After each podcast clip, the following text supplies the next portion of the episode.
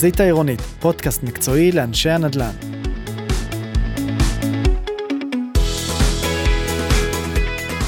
ברוכים הבאים לחזית העירונית, אה, הפודקאסט המוביל של מרכז הנדל"ן, ואני שמח לארח פה את אחד האנשים המוכרים אה, והבכירים בענף, את אורן הוד. מה שלומך אורן? היי דן, נעים מאוד. כיף להיות פה, כיף להיפגש, ובטח לדבר בפורום כזה על הנדל"ן, בימים האלה שאנחנו בתוך מלחמה. אני כן. חושב שזה מסמל איזשהו רצון להמשיך ולייצר ולבנות וללכת קדימה. אז בדיוק נגעת פה בנקודה, אנחנו ננסה ב-45 דקות עד שעה הקרובות אה, באמת לדבר על המצב כרגע, אנחנו נדבר על אה, אה, נדל"ן בכלל כראי למשק ולכלכלה הישראלית ו- ובכלל. אנחנו ניגע קצת בעולם של הנדל"ן המניב ונדל"ן למגורים, ובאמת יש לך ראייה מאוד מאוד אה, רחבה.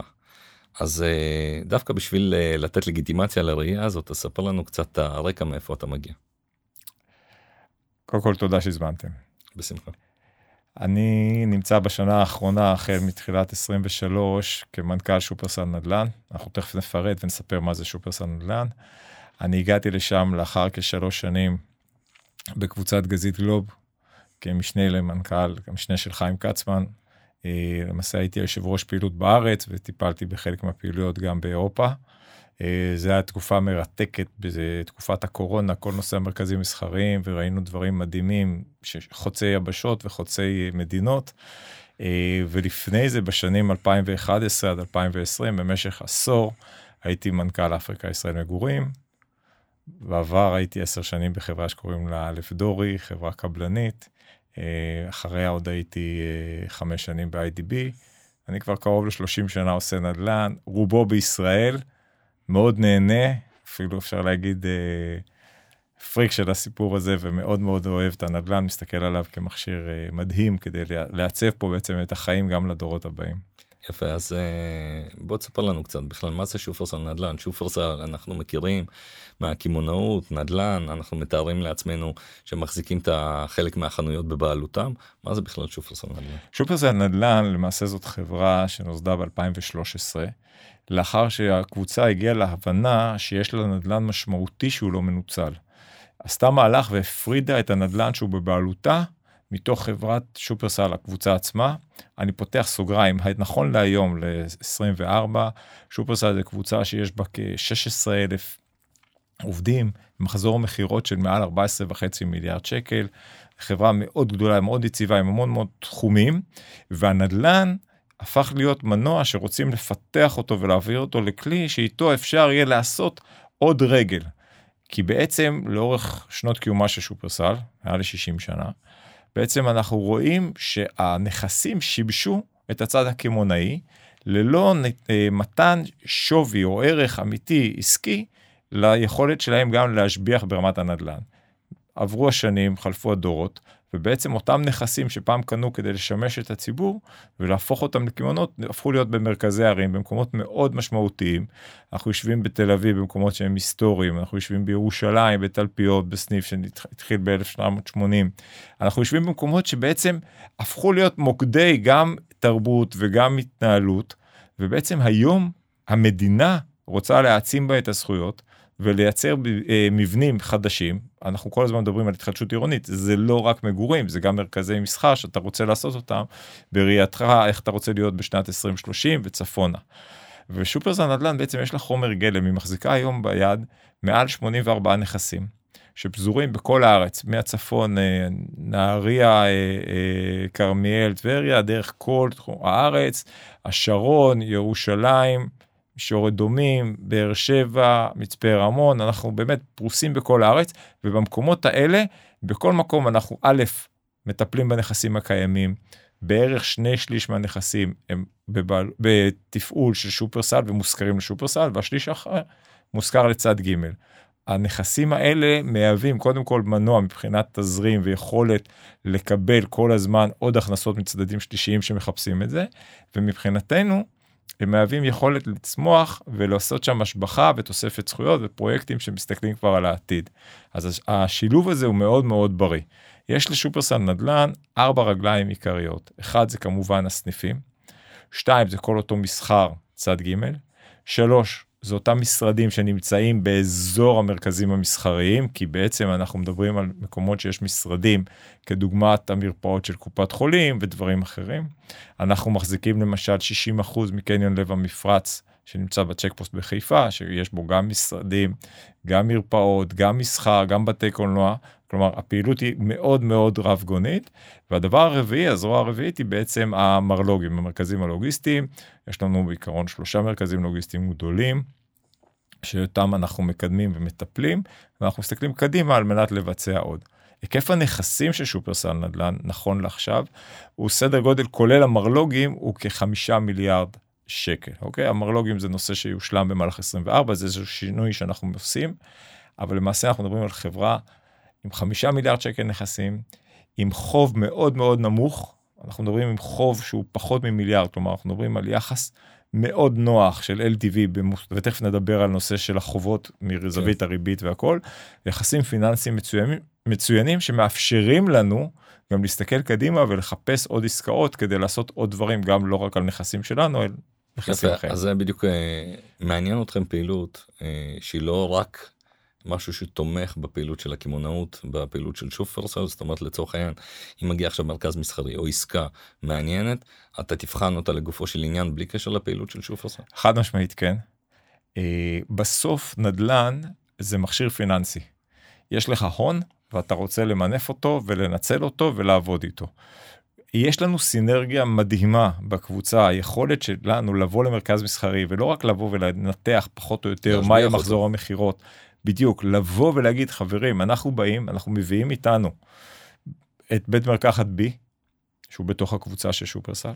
אנחנו מביאים איתנו את סניפי שופרסל למיניהם יש סניפי אקספרס של 250 מטר ויש סניפים של אלפי מטרים. כלומר הטווח הוא כמעט אדיר. שמייצר מראש traffic. שאתה יודע מראש שאתה רוצה בכל נכס הרי אם תבחן מרכזים מסחריים מצליחים בעולם כולל ישראל אתה תראה שיש בעצם שלושה מרכיבים עיקריים שיש בכל נכס מסחרי. הראשון זה אוכל. אתה רוצה שיהיה אה, סופרמרקט כזה או אחר, מכולת שכונתית, סופר, מגה סופר, כל דבר אחר, כי זה הדבר שהוא כמעט יומיומי. הדבר השני זה הפארם, בתי המרקחת. והדבר השלישי זה ה fast food. ה fast food יכול להיות בית קפה, יכול להיות מקדונלד, יכול להיות כל דבר אחר, אבל משהו שהוא יוצר לאנשים חוויה שמגיעים הרבה בשביל דברים יחסית קטנים.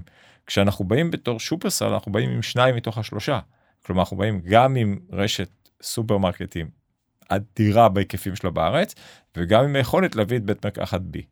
אחרי שאמרנו את זה, אנחנו בודקים כל עסקה לגופה ואנחנו מחליטים אנחנו רוצים את הנדל"ן ואם זה מתאים לשופרסל יכול להיות שיש לשופרסל בהמשך הרחוב סניף אחר אז יישאר בסניף ואנחנו נעשה את הנדל"ן ויכול להיות שיש מקום שאנחנו נמצא את עצמנו גם מנהלים אה, אה, סניפי סופרמרקט של חברות מתחרות גם זה יש לנו. אבל אומרת, אתה קודם כל תסתכל על העסקה ככדאיות העסקה אפילו עוד לפני שופרסל. כדאיות הנדל"ן. כן. בדיוק. אה, ואני אהנה מהסינרגיה. Mm-hmm. צריך לזכור שהגב הכלכלי הוא אדיר בשופרסל זה, זה מעצמה מבחינת היכולת הפיננסית. הנכסים לא משועבדים. אנחנו מדברים פה על חמישה מיליארד שקל נכסים. זה המון כסף. כן, okay. אוקיי? חד משמעית ובטח בתקופה הזאת אז uh, אם כבר אנחנו נוגעים בזה אז בוא נדבר שנייה על המצב שבו אתה מזהה כרגע ודווקא בוא נתחיל מהמגורים שיש לך המון שנים של ניסיון גם באפריקה ומה אתה כרגע מה אתה רואה כרגע בשוק. uh, ואחרי זה ניגע למסחר ש, שזה פעילות ממש ב, ביום יום שאתה מטפל בה. 100%. אז אני ברשותך דני אלך שלב אחד לפני אנחנו נמצאים בתקופה מאוד מורכבת במדינה תקופת המלחמה שאנחנו כרגע בתוכה כבר ארבעה חודשים ואנחנו לא יודעים כרגע לציין את מועד הסיום שלה. בעצם אה, מציפה הרבה מאוד סיטואציות שיש במשק. יש סיטואציות מורכבות שזה נושא של ביטחון ויש סיטואציות מורכבות שהן כתוצאה מהביטחון השפעה על הכלכלה. אבל בסיס של הכל אנחנו צריכים לזכור שאנחנו נמצאים במדינה שיש בה כיום כמעט עשרה מיליון איש, תושבים, שהגידול הטבעי שלה הוא על סף 2%. 2% גידול לשנה, זה אומר שכל שנה יש פה עוד 200 אלף איש. אם אנחנו באים ואומרים שכל שנה יש 200 אלף איש ואנחנו מסתכלים על חמש שנים קדימה, זה אומר שבעוד שנה רק מגידול טבעי, בעוד חמש שנים נהיה עוד מיליון איש. אם אנחנו חוזרים לא הרבה בזמן אחורה, לשנות ה-90, לעלייה הרוסית, אנחנו זוכרים איזה פלא, איזה נס כלכלי קרה פה כתוצאה מהעובדה שמיליון איש הגיעו מברית המועצות לישראל. והנה פה יש לנו את המיליון איש הזה על מגש אוטומטי כתוצאה ממה שקורה במדינה. כלומר, היסודות של המדינה ברמת הכלכלה, ברמת הצמיחה, ברמת הצריכה, הם מאוד חזקים. זה כמובן משפיע מאוד על הנושא של הנדל"ן, כי בעצם הנדל"ן הוא פקטור שמשקף לאן המשק הולך. חברה שצומחת צריכה יותר נדל"ן, וזה לא משנה אם זה דירות, וזה משרדים, מסחר, whatsoever, בן אדם יש לו אורח חיים כזה או אחר. בוא נדבר על שוק המגורים. אבל פה רק ברשותך אני יכול לערער על ההנחת יסוד הזאת כי אני כמובן שומע אותה הרבה ו- ושותף לה במובן מסוים. אבל uh, יש כאלה שיגידו שבסדר היינו גם בשנות התשעים כמו שאתה אומר להזכירך היינו בילודה יותר גבוהה היינו באזור השתיים וחצי אנחנו טיפ טיפה ירדנו uh, גם החילונים וגם הערבים הייתה להם ירידה לערבים בכלל הייתה ירידה נכון. משמעותית ב- בילודה אז בסוף הממוצע ירד מבחינת הילודה ועדיין אנחנו uh, עדים ל-93 עד בערך 2002 סטגנציה במחירים זאת אומרת אפילו במחיר הריאלי הייתה ירידה במחירים. אם אנחנו uh, מנטרלים את המדד אז אז uh, ההנחה הזאת שהביקוש כל הזמן יעלה היא לא בהכרח הנחה שהיא אקסיומה זה פעם אחת פעם שנייה אנחנו עדים למצב שיש כרגע את כמות הדירות השיא על המדף שטרם נמכרו שגם זה ייקח זמן עד שהשוק ידע להכיל בהנחה ואנחנו חוזרים למצב נורמלי של ביקושים שהריבית יורדת ואנחנו בכיוון הזה ו, אה, והאי ודאות סביב המלחמה כמובן נעלם ואנשים חוזרים לקנות ייקח זמן עד שהכרית הזאת אה, תיספג. שני הדברים שאמרת הם מדויקים רק צריך לחדד אותם. משנת 95 עד 2002 זאת בעצם התפוצצות בועת הדוט קום היה מצב של סטגנציה במשק הדיור בישראל. הסיבות לזה היו קשורות למדדים בכלל מקרו-כלכליים, לא קשורים לאו דווקא לישראל, זה היה השפעות של כל מה שקרה באירופה, הנושא של ברית המועצות ודברים אחרים. אבל זה נכון, הסיטואציה הזאת היא, היא לא לעולם חוסן. אני מדבר על מצב שבו קצב הצמיחה גדל, זה לא אומר אוטומטית שהמחירים יעלו לעד. נכון. יחד עם זאת, אני מסתכל על מה שקורה בישראל היום, ב-24, ואני רואה ומזהה שיש מקומות שבהם באמת יכולה להיות האטה ועצירה במכירות, וזה יעודד אה, יזמים שקנו קרקעות להיפטר מהם במחירים נמוכים יותר, אבל זה בטח לא יעודד יזמים אחרים להמשיך ולקנות. אחד הדברים שדחף את ישראל בשנות ה-90, זו הייתה אותה רשת ביטחון שבעצם הממשלה נתנה לקבלנים ואמרו לכו תבנו, אנחנו נקנה את הדירות בהינתן העובדה שתיתקעו איתם. אין את זה היום ולכן היזמים יהיו הרבה יותר זהירים. לגבי המספר שאתה ציינת של אותם 60 המספר המדויק לפי התאחדות כן. הקבלנים זה 64 אלף דירות כן. זה 64 אלף דירות שרק 55 אחוז מהם נמצאים בשלבי יסודות. כלומר אנחנו מדברים פה טווח בנייה של כשנתיים וחצי. נכון. כלומר זה סדר גודל שיטפטף במשך כעוד 20 אלף דירות לשנה שיהיו מוכנות זה לא הרבה. זה לא הרבה כי אנחנו שוב פעם ה-60 אלף האלה צריכים להיות 70 אלף בעוד שנתיים ו-80 אלף. אתה יודע מה אנחנו... הנתון שהכי מפחיד אותי בדברים האלה? הנתון של המשכנתאות. אם אתה תסתכל על המשכנתאות שאנחנו נמצאים על עלייה פי שתיים ומשהו בהיקף המשכנתה, אה, יחס החזר ממוצע למשכנתאות חדשות כי זה על זה אנחנו מסתכלים הוא מאוד קבוע מאוד אה, מאוד קרוב ל-38 אחוז שזה 30 40 זה, זה כבר הרף העליון נכון והממוצע התקופה זה באזור ה-28 זאת אומרת תחשוב זה גם הממוצע של ההוא שלקח משכנתה להשקעה לעשר שנים והזוג הצעיר אתה רואה הממוצע הוא ב-28 שנים לאיפה זה יכול עוד יכול לעלות אתה רואה כבר אנשים פה רוב הזוגות בדיפולט 30 שנה משלמים פה אה, משכנתה בהיקף מאוד מאוד משמעותי ביחס להכנסה. אני חושב שה... זה נתון שהוא מפחיד אותי. הנתון הזה מצטרף לעוד נתון שאני חושב שעליו כי אם הייתי היום יושב ומסתכל ברמת מדיניות לאומית הנתון המטריד זה היקף האשראי לא רק המשכנתות היקף האשראי שיש היום בישראל לכל תחום הנדל"ן הוא כ-480 מיליארד שקל, זה מספרים שהתאחדות לקבלנים מפרסמת, אוקיי? אתה מדבר גם בצד מיליארד, של הליוויים וגם בצד של המשקי בית. 480 מיליארד, זה גם ליוויים, זה גם חברות, זה אשראי, הכל, זה מניב ומגורים, אוקיי? 480 מיליארד שקל זה סכום שהוא דרמטי ברמת כלכלת ישראל. כלומר, יש פה על השולחן משהו שהמדינה צריכה לדעת לטפל בו. הדרך לטפל פה היא דרך נושא של מיסוי ועידוד. אם המדינה תשכיל לעודד לצורך העניין דיור להשכרה, אז אתה תראה שאשראי כזה מתחיל לאט לאט לרדת, כי אנשים ייקחו פחות משכנתה, בינתיים המשכנתות האלה יסתיימו, ובעצם יעברו לגור בדיור להשכרה. אגב, אנחנו לא מוצאים את הגלגל, זה קורה באירופה. אני הייתי, לדעתי, הראשון שעשה את התוכנית של אה, יאיר לפיד בהיותו אה, שר האוצר ב-2014, קניתי פרויקט לדיור להשכרה בגליל ים, בכובעי כמנכ"ל אפריקה, ישראל מגורים, ובעצם הפרויקט הזה הוא פרויקט שיש לו 100% תפוסה נכון להיום בבוקר. כי אנשים יודעים להעריך את האיכות. לכן אני חושב שמה שיקרה בטווח של השנה, שנתיים הקרובות, לא עשר שנים קדימה, המדינה תידרש לטפל בנושא המיסוי בתחום הנדל"ן בצורה מאוד מאוד אקטיבית. אתה שומע, כולנו שומעים עכשיו על בחינה מחודשת של חזרה של מס רכוש. כן או לא, אני מזכיר, הוא נפסק ב-99, אוקיי? מה שחזרה שלו תעודד כמובן מכירה, מכירה במחירים יותר נמוכים. מכירה במחירים יותר נמוכים. יהיה פה איזושהי תקופת מעבר, שיכול להיות שאנשים שעומדים עם מלאי גדול ייפגעו ממנה. אבל לאחריה, once המחיר ית, יתייצב, אז יהיה פה איזושהי סיטואציה רגילה של חברה צומחת ועובדת. כלומר, אני לא מזהה משבר, אני מזהה שינוי מגמות, אבל בראש ובראשונה אני מזהה צורך אמיתי ברמת המדינה להגדיר מה היא רוצה. היא רוצה להוריד מחיר, או שהיא רוצה לצנן את השוק. זה לא אותה תוצאה, למרות שהפעילות יכולה להיות דומה.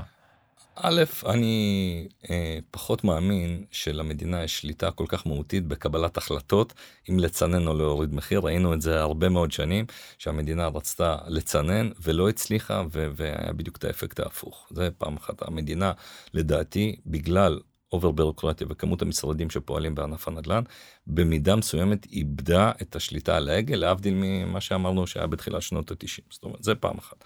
פעם שנייה, ואתה יודע, כחלון, אפשר uh, לשים את זה בסוגריים, שכמובן uh, uh, מטה הדיור היה איזשהו פתרון שדווקא כן, עזוב שנייה אם זה נכון או לא נכון, מחיר למשתכן, אני פחות מחבב אותו, אבל המודל של לאסוף את כולם במקום אחד ולהתכנס למשהו, זה היה בוודאי שהוא פתרון שהוא מניע את השטח, מה שאנחנו לא רואים אותו ניהולית היום. זה היה פתרון נכון. בדיוק, ניהולית. ו, ונקודה נוספת לגבי השכירות ארוכת טווח שציינת, פה ואני מכיר את זה הרבה, אני מכיר את המודלים גם בארץ וגם בחו"ל, מאוד קשה להשוות את ישראל לאירופה וארצות הברית, בגלל שהתשואות פה מאוד מאוד נמוכות, בריבית גבוהה. אה, בסוף המדינה צריכה לשאול את עצמה, האם אני מסבסד את הקרקע? זאת שאלה מאוד קשה.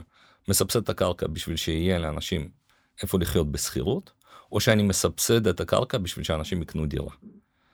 וזאת השאלה, כי כשאתה מסתכל על המודל, כמה צריך לתת הנחה בשביל שזה יהיה כל, כלכלי לשכירות ארוכת טווח, אני לא בטוח, ואני הראשון שבעד שכירות ארוכת טווח. אני הראשון שאני אה, גר בשכירות מאידיאולוגיה, אני חושב שזה הדבר הנכון מבחינה כלכלית, להרשות לעצמך אורח חיים אה, מעולה ולהשקיע בהרבה מקומות.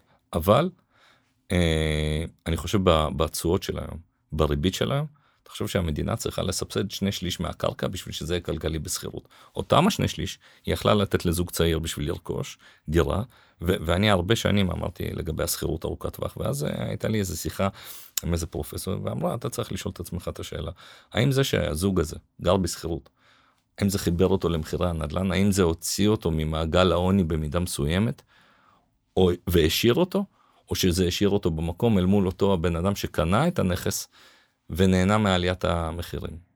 ואם הייתי מסבסד לך עכשיו, אתה, במקום לתת לך שכירות נמוכה, כזוג צעיר, כן, לילדים שלך לצורך העניין, לסבסד להם 200 או 300 אלף שקל לקניית דירה, בצורה כמובן יותר חכמה ממחיר למשתכן, יכול להיות זה היה הרבה יותר עדיף. אתה נגעת בנקודה סופר קריטית, אבל היא יצאה מתחום הנדל"ן ועברה לצד הסוציאלי. איזה מדינה אנחנו רוצים?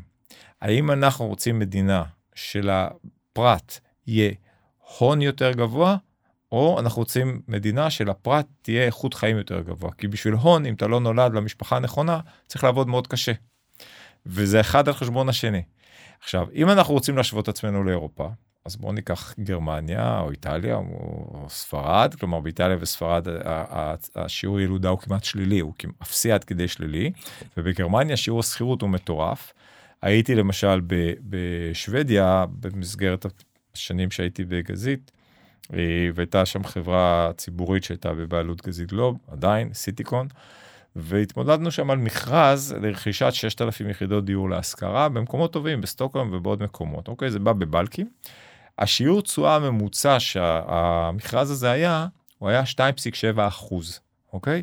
כלומר, כדי לזכות במכרז אתה צריך לקנות את הדיור להשכרה כמשקיע, את הבלק הזה, בתשואה של פחות מ-2.7 אחוז. זה נגמר סביב ה-2, אנחנו, למזלה של גזית, לא עשתה את העסקה הזאת, כן. וחוכמתה הרבה. ואני בא ואומר, וזה גם לא צמוד אני מתאר לעצמי נכון כי שם פחות מקובל נכון, העולם של אין, ההצמדה. אין, אין, אין אינדקס אין כמעט הצמדה באירופה. שזה אוקיי? בכלל מטורף. וזה ל-20 שנה אבל זה גישה שהמדינה מעודדת ובונה כל הזמן כל הזמן דיור להשכרה. פה אין את זה. היה רצון לעשות עם עמידר היה... אבל לא עושים באמת משהו שהמדינה היא הבעלים והיא מעודדת. עוד גופים גדולים להיכנס כמשקיעי אקוויטי. אבל יש לי שאלה עכשיו נגיד לצורך העניין מוסדי גוף מוסדי הראל כלל היה נכנס בצורה של 2 3 אחוזים ברור שלא בעסקה יפה ובגרמניה שלא. כן איך אתה מסביר את זה. לא בטוח שהיום הוא היה נכנס גם בגרמניה הוא לא היה נכנס אוקיי אוקיי אז, אז אני רוצה להתייחס לנקודה נגיד חמישה אני רוצה זה הבדל דרמטי אני רוצה דרמטי. להתייחס לנקודה שאתה אמרת. הפער שישראל נהנתה ממנו בעשור שעד 2022 כמעט של מרווחי הריבית, קצת הוציא אותנו מבלנס ברמה של לקחת ולהבין שלכסף יש מחיר. במשך עשר שנים לכסף לא היה כמעט מחיר. כלומר, יכולת לעשות כל עסקה בכל סכום, כי היית אדיש אם ייקח עוד חצי שנה להוציא היתר או לא. עכשיו, באו לפה יזמים מהעולם, גייסו פה כסף, השקיעו אותו במקומות שהכסף עלה חמישה, שישה ויותר אחוזים, בין אם זה ארה"ב או בין אם זה אירופה, ונהנו מהמרווח הזה בתשואה. הרי בסופו של יום, כשאנחנו מסתכלים על נדל"ן מניב במיוחד, אנחנו צריכים להסתכל עליו כעל מכשיר פיננסי. יש לך הון, בתור בן אדם פרטי או בתור חברה, יש לך הון עצמי מסוים, ואתה רוצה לייצר עליו תשואה. זה מה שכולנו רוצים לעשות עם החסכונות שלנו. הנדל"ן המניב אמור לתת לך תשואה שהיא מצד אחד יציבה, יכולה להיות 6 אחוז, 7 אחוז, 8 אחוז, תלוי ביעילות של הפרויקט. ומצד שני, אחד, מצד אחד היא יציבה בשווי שלה, מצד שני היא כמעט לדורות, כי השינויים הם מינוריים, אוקיי? בעוד שאם אתה קונה נייר או מניה או משהו כזה, אז בדרך כלל אתה הולך למשהו שהוא יותר ספקולטיבי. אם אנחנו מבינים שהנדל"ן המניב מתבסס על מקור חומר גלם שזה ההון העצמי והריבית בעצם פעם שהייתה חצי אחוז ואחוז היום אנחנו כבר ב-4.75 מדברים על זה שב-2024 נגיד בארצות הברית רוצה לעשות שלוש הפחתות. הלוואי וזה יקרה זה יעשה הרבה טוב לכלכלה בטח בשנת בחירות בארצות הברית ובטח בראייה שלנו בישראל.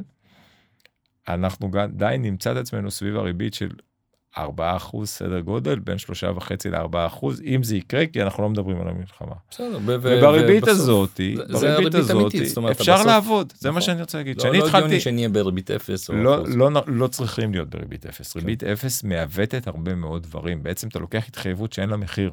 כן. דרך אגב זה אחד הסיבות שהנדל"ן מה שקרה 20 אחוז בשנה עלייה. במחירי הדירות והפימפום של אה, מכרזי רמ"י זה נובע בגלל עלות מאוד נמוכה לכסף. נכון, נכון, והעידן הזה נגמר. מי שהבין את זה ראשון נזהר, ומי שלא יבין את זה יצטרך לשלם שכר לימוד יקר. עכשיו אני חושב שכבר כולם הבינו, השאלה מה ההשלכות של נכון, השאלה למי מי הבין בזמן ודאג לממש או להכניס שותפים או למכור או להקדים ולהבין שכרגע צריך לחלוק בסיכון כי הסיכוי הוא, הוא לא ודאי. והסיכון הוא קיים, עלות המימון היא כל יום קורית, ואנחנו יודעים על שחקנים שלא השכילו לעשות את זה בזמן. לכן הנדל"ן מניב הוא פקטור מצוין לגופים חזקים ויציבים. לבן אדם בודד שעכשיו רוצה לצאת לדרך, או לקבלן שסיים שלושה או שלוש או כמה שנים של הקמה של פרויקטים ונשאר לו עודף, נשארו לו רווחים שהוא רוצה להשתמש בהם, לא בטוח שהדרך הכי טובה להשתמש בהם זה להשקיע אותם בנדל"ן מניב, אלא להמשיך ולעשות יזמות. תקופה יותר קצרה אתה פוגש את הרווח ואתה ממשיך הלאה. אז אני רוצה לקחת אותנו שנייה צעד אחד אחורה כי דווקא דיברנו על נושא מעניין והעברתי את השיחה לנדל"ן אה, אה, לשכירות ארוכת טווח אבל בסוף אמרת 480 מיליארד במשק. איך ענף הנדל"ן קשור לכלכלת ישראל ואיך זה עובד בארץ ובעולם אנחנו רואים המשברים הגדולים מתחילים קודם כל מהנדל"ן 2008 מה שקורה פה תחבר לי את הדברים האלה. תראה, זו שאלה מצוינת. הנדל"ן הוא קטר של המשק. הוא כמעט ססמוגרף. כלומר, כשהנדל"ן עובד חזק, אנחנו בעצם רואים שהוא גורר אחריו מעגלים אדירים. אתה יודע, ככה מספר אצבע כדי להקים פרויקט אחד במדינת ישראל, בניין מגורים של 30 דירות. אני לא מדבר איתך על שכונה של אה, אלפי דירות, אוקיי? אנחנו מדברים על מעל מאות בעלי מקצוע שצריכים להגיע.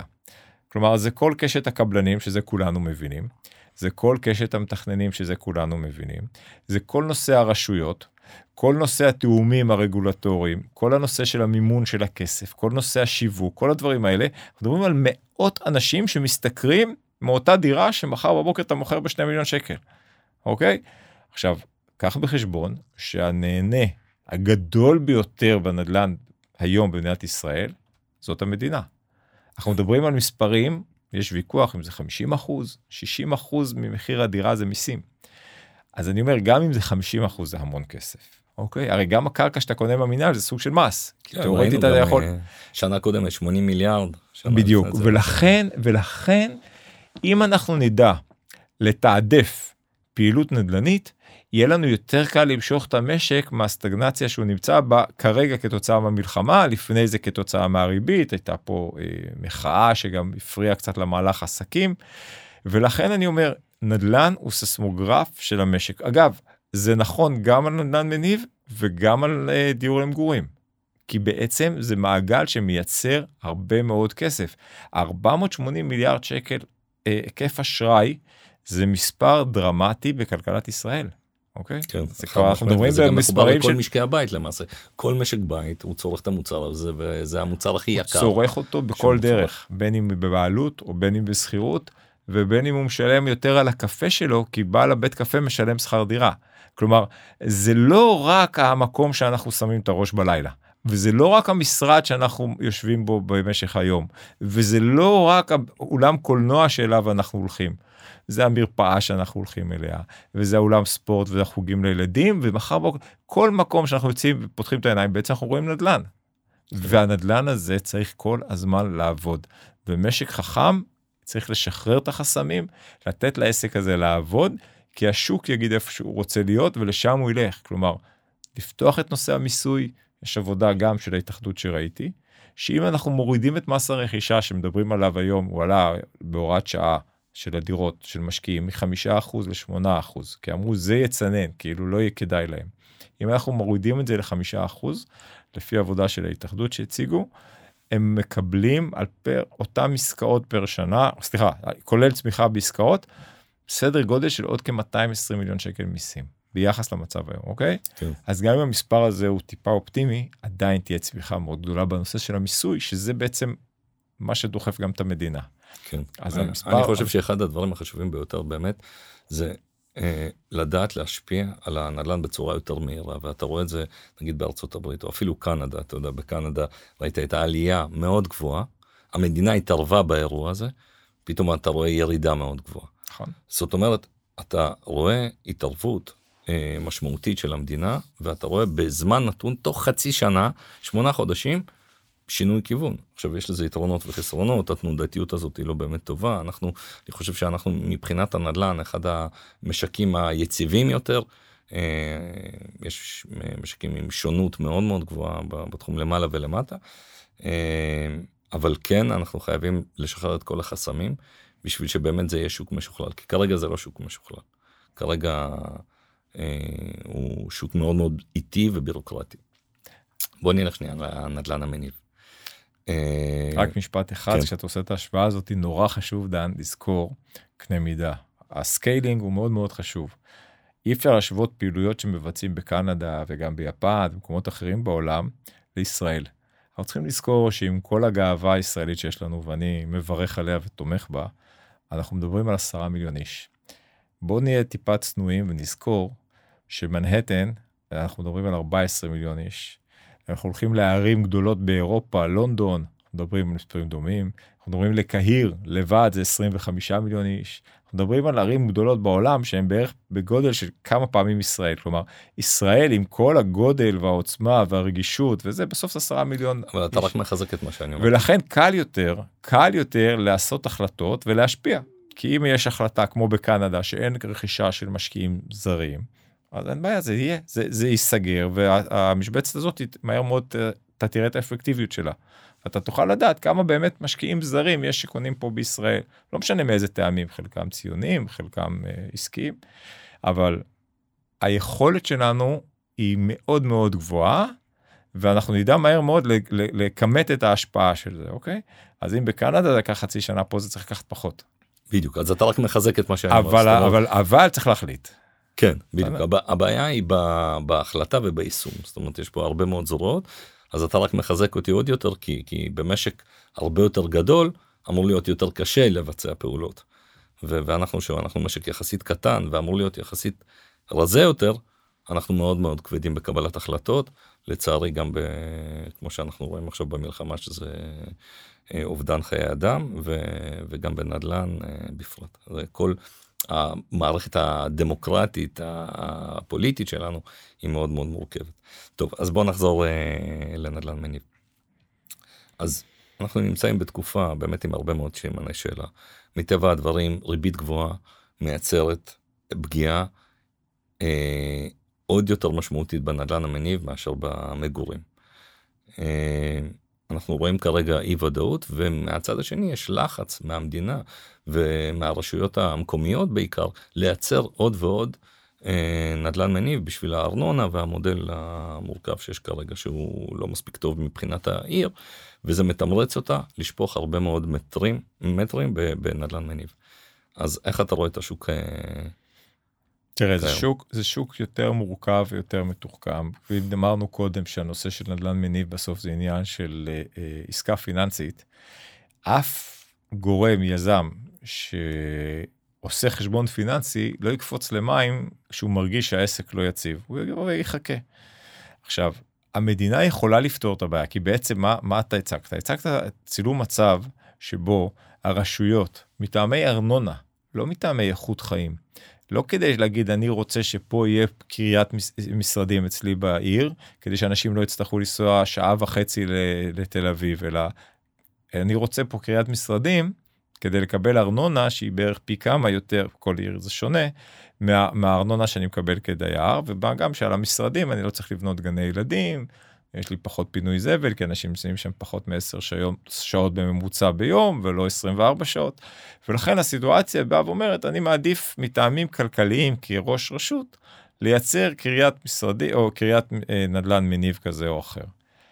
אם המדינה מבינה, ואני חושב שמבינים את זה, שחייבת להיות הלימה בראיית מקרו בין כמות שטחי הנדל"ן המניב לבין כמות שטחי הנדל"ן למגורים, היא יודעת לפצות את הרשות. הרי תראה מה קורה היום בהתחדשות עירונית. אנחנו התחלנו התחדשות עירונית לפני יותר מ-18 שנה, כבר התחילו את התהליך הזה. ובשנים הראשונות הייתה הסתייגות מאוד מאוד גדולה, אני זוכר את עצמי מוציא הרבה מאוד אירועים וכנסים. ב-2012 הקמתי חברה שנקראת אפריקה התחדשות עירונית. התחילה מדף נייר וכלום. החברה הזאת שברה הרבה מאוד מחסומים, ולחנך את השוק וכולל את הרשויות לאפשר את הבנייה. היינו צריכים להביא שמאים, להראות תקן עסקי, להראות שרק במספרים של מכפילים של 4, 5 או 6, תלוי באזור בארץ, או 2 וחצי אם זה תל אביב, בכמות כזאת של מכפילים פר דירה חדשה, פר דירה ישנה, זה כדאי, ורק אחרי שהרשויות הבינו את זה, תראה איזה פריחה יש היום שהרשויות מבקשות את זה. עכשיו, לא רק שהן מבקשות את זה, הן מתוגמלות. המדינה החליטה לתת, זה אמנם סך של אלפי שקלים בודדים, מענק פר היתר. למה? כי גם היא רוצה שהבניינים, אותם בניינים מוזנחים של שנות ה-50 וה-60, יהפכו להיות בניינים, בניינים שמתאימים יותר לרעידות אדמה. במציאות של היום גם נושא של ממ"דים הוא פקטור מאוד חזק ברמת הביטחון האישי, ובכלל כל נושא ההתחדשות וניצול הקרקע לגובה, העירייה ראתה את זה כיתרון חשוב, ומוכנה לתת את, ה, את הבמה להתחדשות. המדינה מצידה באה ואמרה, זה יפתור לי חלילה הרבה מאוד בעיות אחר כך, של מבנים שקורסים או דברים אחרים, וכתוצאה מזה אנחנו מקבלים בעצם מצב שכל הרשויות מעודדות את זה, והעסק מתחיל להיכנס לפסים של ייצור. נעשה אותו דבר בנדל"ן המניב, ונבוא ונגיד, בפרויקט מסוים אנחנו עושים שילוב של אה, אה, שימושים, עירוב שימושים, מה שנקרא מיקס יוז בעולם, עירוב שימושים בארץ, שאתה עושה הכל. אתה עושה את הדיור להשכרה, ואתה עושה את הדיור למגורים, ואתה עושה את המשרדים, ואם צריך לעשות שם בית אבות, או קולנוע, או בית מלון, יש פרויקטים כאלה, תל אביב מובילה בזה, יש עוד ערים בארץ שעושות את זה, זה צו השעה.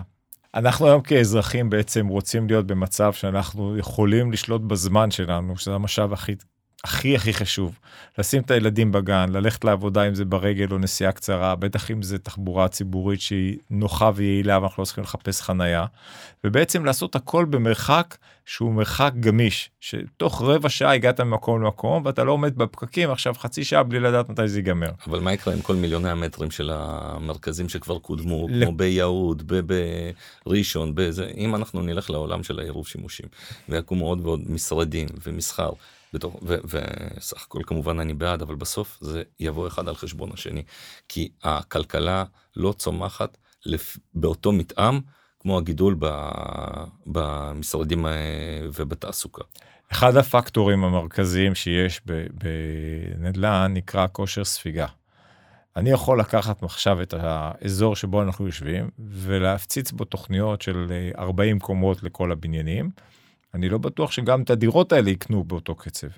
ולכן היופי בתכנון זה שאתה נותן איזושהי במה, ירושלים למשל עושה את זה מאוד יפה, נותנת במה לשחקנים, אומרת להם אוקיי אני רוצה כיוון כזה וכזה, ואת ה fine-tuning אתם תעשו תוך כדי התקדמות הפרויקט. אותו דבר יקרה פה. כלומר, אתה לא יכול לכפות היום מרכז דרמטי כמו עזריאלי בכל מקום אחר בארץ, כי אתה צריך שילוב של תחבורה, אתה צריך שילוב של סביבה צפופה, אתה צריך שילוב של אנשי עסקים, ובסוף אתה רוצה גם שאנשים יגורו שם. אם תדע לעשות את המקומות האלה, שיש balance, שיש איזון בין הדברים, אנחנו נרוויח מקומות שבעצם יפרו את עצמם, זה יהיה סוג של אקו סיסטם, שאנשים יגורו ליד הבית, יעבדו במרחק הליכה, יבלו באותו אזור, ובעצם על ידי זה גם יהיה ביטחון בלהקים את השכונה. כי, כי אתה תדע כבר מי המשתמשי קצה. והכושר ספיגה של אותו פרויקט ולעבור מהנייר, מהטאבה, מהתוכנית התיאורטית שעשו אה, רשויות התכנון, אל היזמים ובסוף אל משתמשי הקצה, תהיה הרבה יותר מעשית. נמצא את עצמנו בפרויקטים שלא רק מתוכננים ולא רק נבנים, אלא גם משווקים, מאוכלסים ובעצם מייצרים את מה שאנחנו מחפשים, ושם צריך לשאוף. אבל אתה לא חושב שאנחנו נמצאים כרגע באירוע לפי מה שאני רואה, בכל הפרמטרים, אנחנו נכנסים לאירוע שלילי, כי אנחנו נמצאים מצד אחד יחסית עם ייצור מאוד גבוה, עם שיא כל הזמנים בייצור של מטרים לתעסוקה.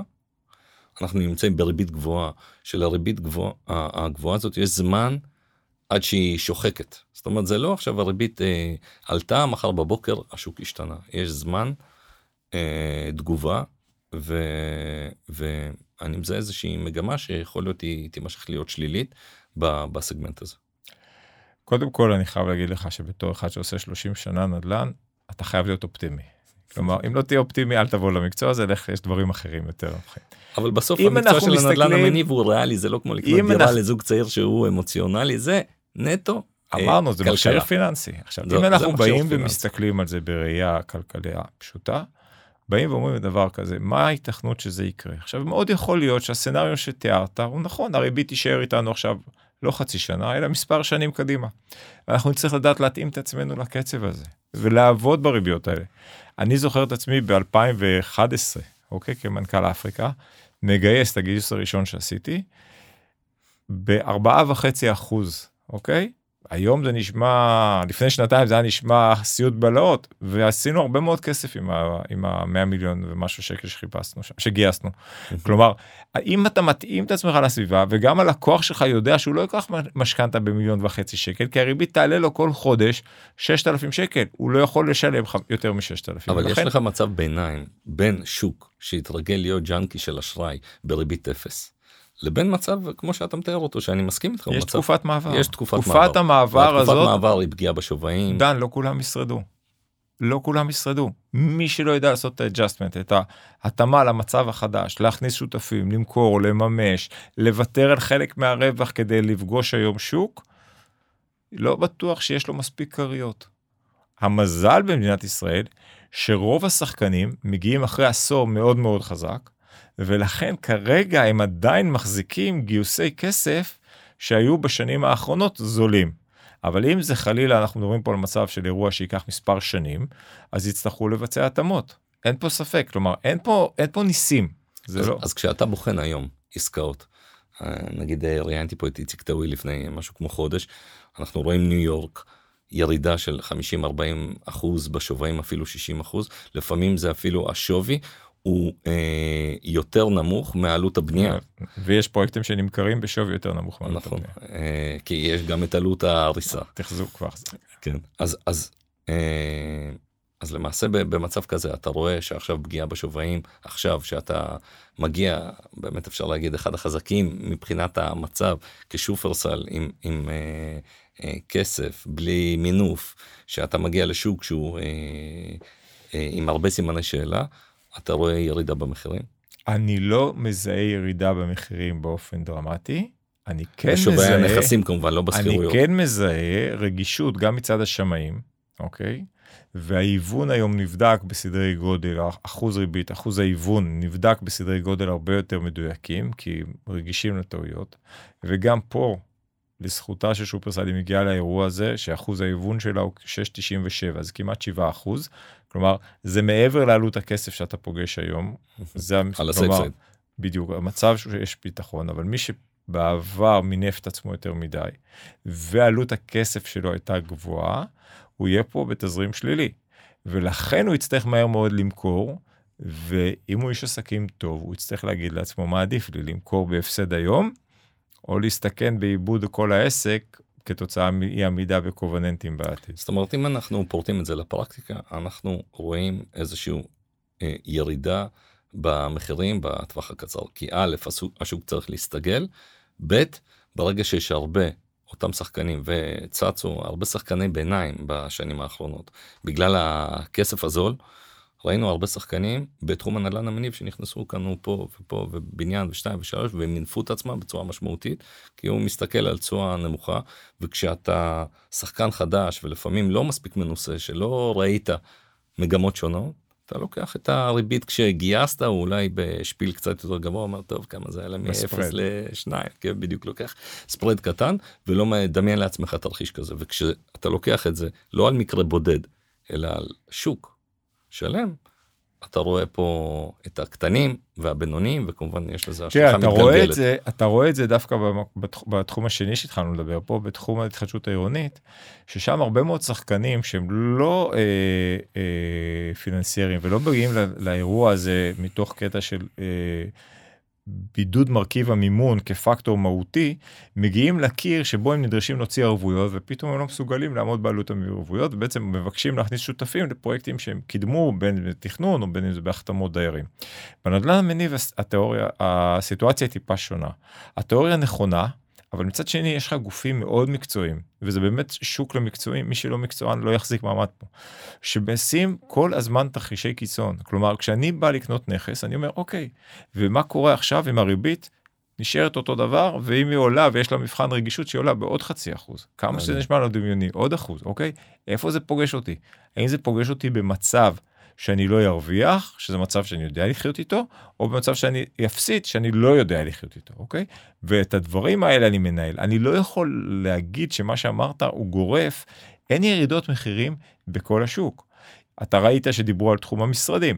אז בתחום המשרדים יש overshooting אה, ולכן יש התאמה ומחירים יורדים. מצד שני, אני שומע גם על עסקאות משרדים שנמכרים עכשיו, בחודש ינואר, ב-24 ו-26 אלף שקל למטר זה מספרים מאוד מאוד גבוהים. מאוד גבוהים. אוקיי? זה שוק מאוד לוקאלי דרך אגב זה נכון, מאוד, אזורים, לפעמים יש עיוות במקום מסוים בדיוק. ומאוד קשה להסתכל על המשרדים כמגמה כוללת. ולכן חייבים להסתכל ברמת המיקרו. לא דין משרדי בעיר מסוימת כמו דין אחר. מסכים. אגב גם דירות גם דירות בתל אביב נמכרות עכשיו בחודש האחרון בינואר במקומות טובים במספרים גבוהים. כלומר, גבוהים בתל אביב, אני מדבר על 80 אלף שקל בצפון, היו עסקאות כאלה.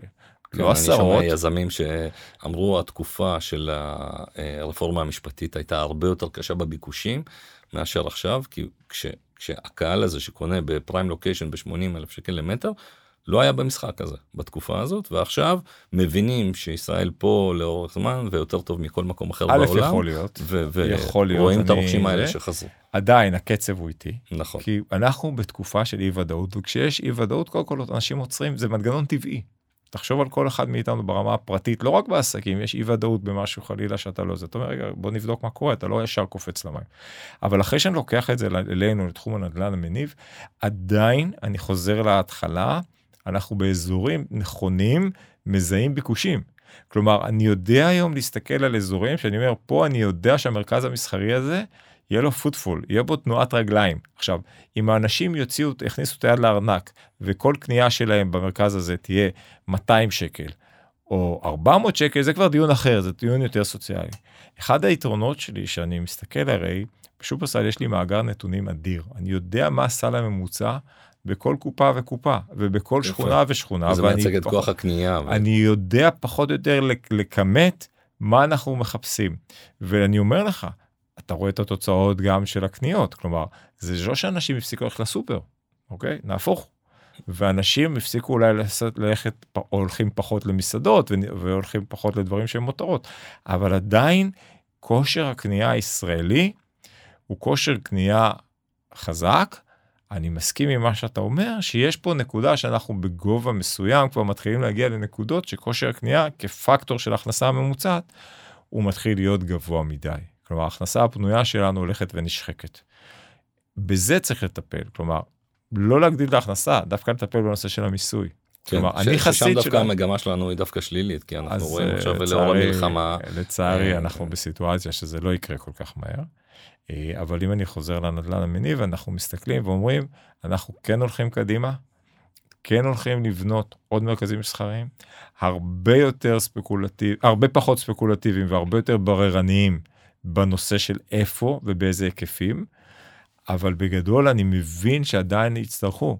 כלומר, משפחת ישראלי תצא מהבית, היא תצטרך את השירותים האלה, ואנחנו שם כדי לתת להם. זה לא משנה אם זה קופת חולים לטפל בה, או אה, חנות מזון לקנות את האוכל, או אה, מחר בבוקר מקום לבלות בו, לקנות אופנה, או כל דבר אחר. יש לי כמה שאלות לפני הסוף. אני יזם צעיר, אני רוצה לבנות קודם כל אה, אה, בניין משרדים, בסדר? ש, שאמרת שזה תחום למקצועני, אבל, אבל אני מחפש את ההזדמנות, מה היית ממליץ לי לעשות, איפה לבנות ומה. תראה, קודם כל הייתי ממליץ לך לבדוק את ההון שלך. לבדוק אם אתה יודע לייצר מצב שאתה יודע להחזיק את הפרויקט, כי בעצם אנחנו בתקופה שהרמפה, תקופת ההרצה של הנכס, יכולה להיות ארוכה ממה שהכרנו. זה לא שאתה גומר ובשנה הראשונה 100% מהשטח מושכר. זאת אומרת, זה לא רק ה-LTV, שיעור המימון של העסקה, שאני צריך להבין, נגיד, אה, אה, LTV 50, 40 אחוז ולא למנף, אלא גם להחזיק לשוטף, כי יכול להיות יהיה פה זמן בדיוק. עד ההשכרה, ושיהיה לי כרית מספיק אה, לך כיזם, משמעותית לממן את הארנונה אסור ואת לך. כיזם אה, מתחיל לבנות על תוכנית שאין לה שולי גמישות, שלא יכול מחר בבוקר לקבל תקלות כמו עיכובים, אכלוסים, ירידת מחיר. אתה חייב לדעת שאתה יודע על הדברים האלה לכפר, הם עולים כסף. זה דבר אחד. לגבי המיקום, אני תמיד בודק שלושה מרכיבים, אוקיי? אחד זה תחבורה. לדעת שהמקום שאני רוצה זה לא רק המקום עם הנוף הכי יפה על ההר הכי יפה, אלא שבאמת אנשים נוח להם להגיע לשם. דבר שני, מי האוכלוסייה סביבי? אם אני אה, גורם חרדי, אני אשקיע באזורים חרדים.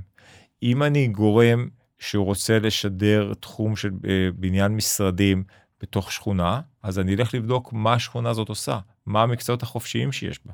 כי אם השכונה הזאת רובה ככול, ככולה עובד, עובדים במפעל מאוד מאוד גדול, זה יכול להיות גם מפעל הייטק, זה לא חייב להיות רק מפעל של מלאכת כפיים, אז בעצם לא יהיה פה ביקוש גדול לדבר הזה. והדבר השלישי שאני אבדוק זה מה התחרות. כי אם אני אתעלם מהתחרות, יש משפט שאומר שהמטוס שמוריד אותך זה תמיד המטוס שאתה לא רואה.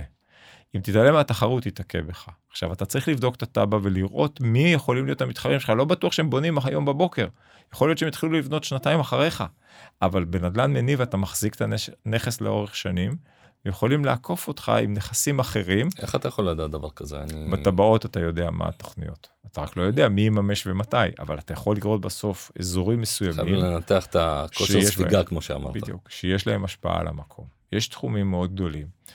אם אני לוקח למשל את תוכנית הגוש הגדול בתל אביב, אוקיי, בצפון תל אביב, אז אנחנו יודעים שיש שם הרבה מאוד מסחר כמעט בכל מתחם. אז יהיו אזורים שיצליחו יותר ויהיו אזורים שיצליחו פחות. אבל צריך להבין שהמסחר שם הוא בהיקפים יחסית גדולים לכמות האוכלוסייה המקומית, והוא מתבסס בין היתר על זה שיגיעו עוד הרבה אנשים שמגיעים לאזור בגלל היופי שלו, בגלל המשיכה שלו, התיירותית, האטרקטיביות שלו, ולא רק כאלה שמשתמשים יומיים שעוברים שם כי זה הבית שלהם. וזה גם משפיע עליי כמי שמחזיק נכס קיים בסביבה או צמוד לגוש הגדול, או. כי זה בסוף או. ישנה את ה... אגב, לשני הכיוונים.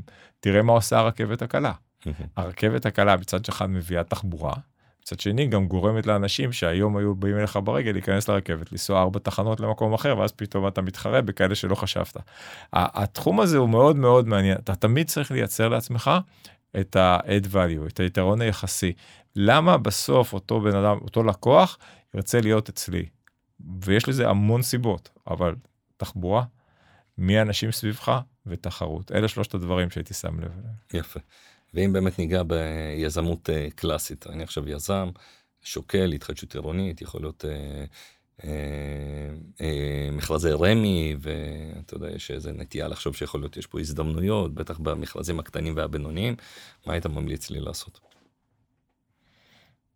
אם אתה כבר עשית ו... ואתה בתוך תהליך ואתה מכיר את המערכת, אז הייתי ממליץ לך תמיד ללמוד טוב טוב את השוק. ללמוד בסוף לאן אתה רוצה לכוון. כלומר, לא לבנות משהו שהוא מפואר מדי, כי אנשים לא ישלמו עליו, ולא לבנות משהו שהוא דל מדי, כי אנשים לא ייקחו אותו. כלומר, גם אם תעשה פרויקט שהוא יהיה מאוד זול, מאוד מאוד זול, ובסוף אנשים יגידו, עזבו, אני לא רוצה לגור שם. זה מוצר נחות. אנשים, זה לא, זה לא יעזור, אוקיי? לא, לא כולנו תרמילאים שמחפשים תמיד לחסוך את הדולר האחרון. אנשים מחפשים לבוא ולגור, לייצר איזשהו סטנדרט, לגור באיזשהו סטנדרט, ולכן הייתי מסתכל על שני הדברים האלה. אה, והכי חשוב, באמת אני אומר, זה לאהוב את מה שאתה עושה. כי ברגע שאתה אוהב, אתה חושב במושגים של לקוח ולא במושגים של משקיע. אתה בא כמשקיע ואתה תמיד צריך לשים את המשקפיים של הצד השני לחשוב מה הוא רוצה, למה הוא מסוגל, ולנסות לעשות מאצ'ינג, לעשות חיבור בין מה שהטאבה נותנת, ומה שהפרויקט הזה, מה שהיכולות לבין הציפיות. זה בעצם המפגש הכי גדול, התיאום ציפיות הזה בינך כמי שמשקיע היום, ובין אותו לקוח שתפגוש בהמשך הדרך לאורך השנים. אורן, אני רוצה להגיד לך תודה רבה, היה לי מאוד מאוד מעניין. אה, נגענו, אני חושב, ברוב התחומים. אולי זה תחום אחד שנדון בו עוד בהמשך, זה התחום הלוגיסטיקה, שהוא גם uh, תחום שהוא מעניין. אולי אני אשאיר אותו לפעם הבאה. תודה רבה. דן, תודה שהזמנת. שיהיו לנו ימים יותר שקטים, שנגמור את תקופת המלחמה, שנוכל לעשות עסקים. ושהחטופים יחזרו בשלום הביתה. שהחטופים יחזרו ושהחיילים יחזרו, ואנחנו רוצים את כולנו חוזרים לשגרה כמה שיותר מהר בשלום. אמן, תודה רבה. תודה.